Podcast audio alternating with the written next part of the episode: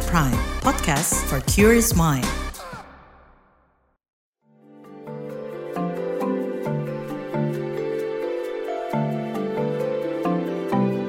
Saga, cerita tentang nama, peristiwa, dan fakta.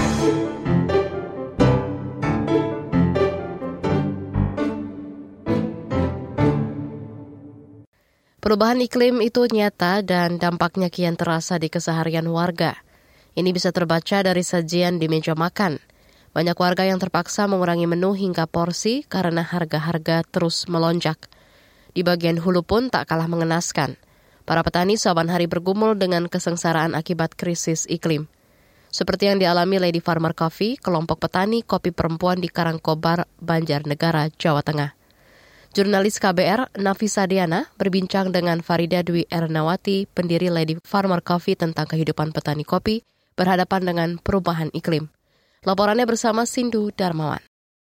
Terus kalau itu daun yang kena penyakit dan ini kalau ini tuh membedain antara kopi yang bagus sama yang enggak karena banyak kopi yang kena hama ataupun kena hujan terus dia akhirnya jadi itu Farida Dwi Ermawati menunjukkan foto-foto tanaman kopi dari desanya Karangkobar, Banjarnegara, Jawa Tengah. Banyak tanaman kopi rusak terserang hama. Ini lagi jemur kopi karena harus kena matahari di itu juga. Tapi jam berapa itu harus diangkat lagi karena hujan. Nah ini nih kopi yang rusak, yang ngerambang itu dia tuh yang kopi rusak banget. Kita pisahin. Perempuan 29 tahun yang akrab disapa Wiwi ini adalah pendiri Lady Farmer Coffee, kelompok petani kopi perempuan di Karangkobar yang terbentuk pada 2016. Ada 40 petani perempuan yang mengandalkan kopi sebagai penghasilan utama keluarga. Sejak tahun lalu, mereka merugi akibat iklim yang tak menentu. Biasanya, petani berpatokan pada kearifan lokal Pranoto Mongso untuk menentukan musim tanam hingga panen. Nggak tahu. Kalau tempat kita kan cuma taunya Mongso gitu kan.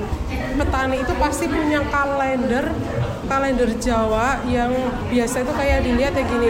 Bulan ini musim ketujuh itu musim apa apa kayak gitu. Itu biasanya bisa ditebak. Tapi untuk beberapa itu kan nggak bisa ditebak. Kini mereka bingung karena durasi musim hujan dan kemarau menjadi kacau. Dampaknya kualitas kopi terus menurun dan produksinya anjlok kan kayak tergesa-gesa buat panen gitu ya. Jadi mereka metiknya asal ya. Terus sebenarnya ada lagi yang kayak uh, beans bijinya itu bolong-bolong. Ini nih kayak gini nih. Tapi tuh ini kan titik sedikit ya.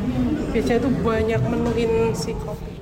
Dulu Petani Lady Farmer Coffee bisa panen 11 ton biji kopi dari sekitar 2.000 tanaman kopi selama setahun. Sekarang, produktivitasnya terjun bebas, terpangkas 90 persen semua teman-teman itu ngerasain hal yang sama juga. Kalau ngomongin kopi itu dulu itu ya mbak kalau aku lihat ini tuh batang itu ya ini itu sampai jatuh kayak gini loh. Saking banyaknya kopi ini kan udah langka. Terus kita ada kemunduran juga harusnya panen raya itu di bulan Juni Juli. Tapi kami kemarin baru September baru panen raya. Jumlah anggota Lady Farmer Coffee pun berkurang drastis tersisa hanya 15 petani. Banyak yang beralih pekerjaan karena kopi tak lagi menghasilkan.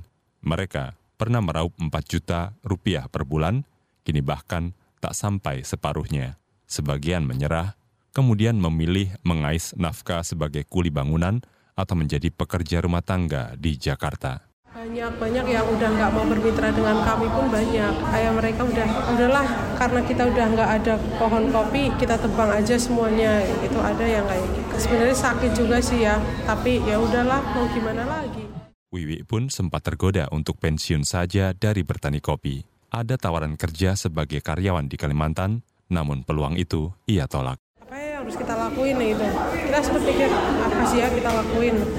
Sempat juga kita kayak kepengen udahlah udah nggak usah. Udah ini nggak usah ngelirin kopi ya gitu kan.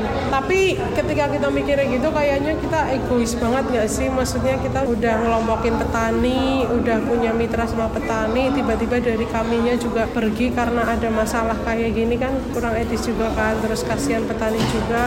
Ya udah pokoknya kita ya udahlah kita apa pun yang terjadi ayo gas. Bagi Wiwi kopi adalah bagian dari hidupnya ia sudah akrab dengan kopi sedari bocah. Kalau aku emang dari kecil mbak. Dulu kecil aku kecil itu sering banget kena kalau panasnya tinggi itu kejang sampai kejang itu. Nah sama nenek aku biasa dikasih minum kopi nah biar nggak sampai nggak kejang gitu. Itu stepnya gitu loh punya yang panas banget itu. Sampai kejang sama nenekku diminumin kopi. Nah udah dari situ kayak sering banget dulu kan gitu. Kalau panas tinggi pasti mau kejang diminumin kopi minumin kopi. Cara bertanam kopi dipelajarinya secara otodidak. Wiwi sempat ditolak ketika ingin berguru ke petani kopi senior di daerahnya. Kayak buat apa sih kamu cewek perempuan kolah kopi gitu. Kita tuh kolah kayak nggak usah deh ketika kita minta diajarin ke mereka, mereka nggak mau, nggak mau berbagi ilmunya. Jadi kayak langkah kita pun juga di sulit dibatasi. Ia lantas berkeliling ke Banyuwangi hingga Bali menimba ilmu dari para pakar kopi. Ilmu itu dibagikannya ke perempuan-perempuan di Karangkobar hingga terbentuklah Lady Farmer Coffee. Sebuah perjuangan panjang penuh liku. Semangat Wiwi diapresiasi Greenpeace Indonesia dengan memberikan bantuan alat pengering bertenaga surya. Teknologi ramah lingkungan ini bisa digunakan untuk mengeringkan kopi saat cuaca tak pasti. Kalau hujan kita ada greenhouse, greenhouse yang pakai panel juga, itu pemanas ruangan biar mempercepat si kopi biar nggak jamur. Apa yang dialami para petani di Lady Farmer Coffee adalah bukti begitu dekatnya dampak perubahan iklim di keseharian.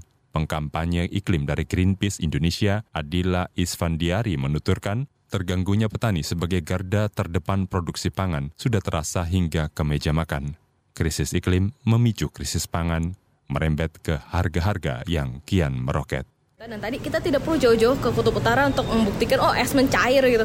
Tetapi ya di meja makan kita udah terdampak sih sekarang. Krisis iklimnya sudah katastrofik sekali. Ketika kita bicara dampak terhadap pangan, pasti itu akan berdampak juga kepada kesejahteraan masyarakat Indonesia dan juga masa depan Indonesia. Jadi kita berharapnya adalah ya berhenti basa-basi buat bumi karena eh, menunda aksi iklim itu sama saja dengan bencana bagi masyarakat yang sehari-harinya terdampak oleh krisis iklim gitu.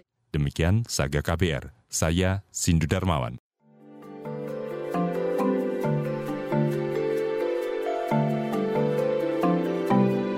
Saga, cerita tentang nama, peristiwa, dan fakta.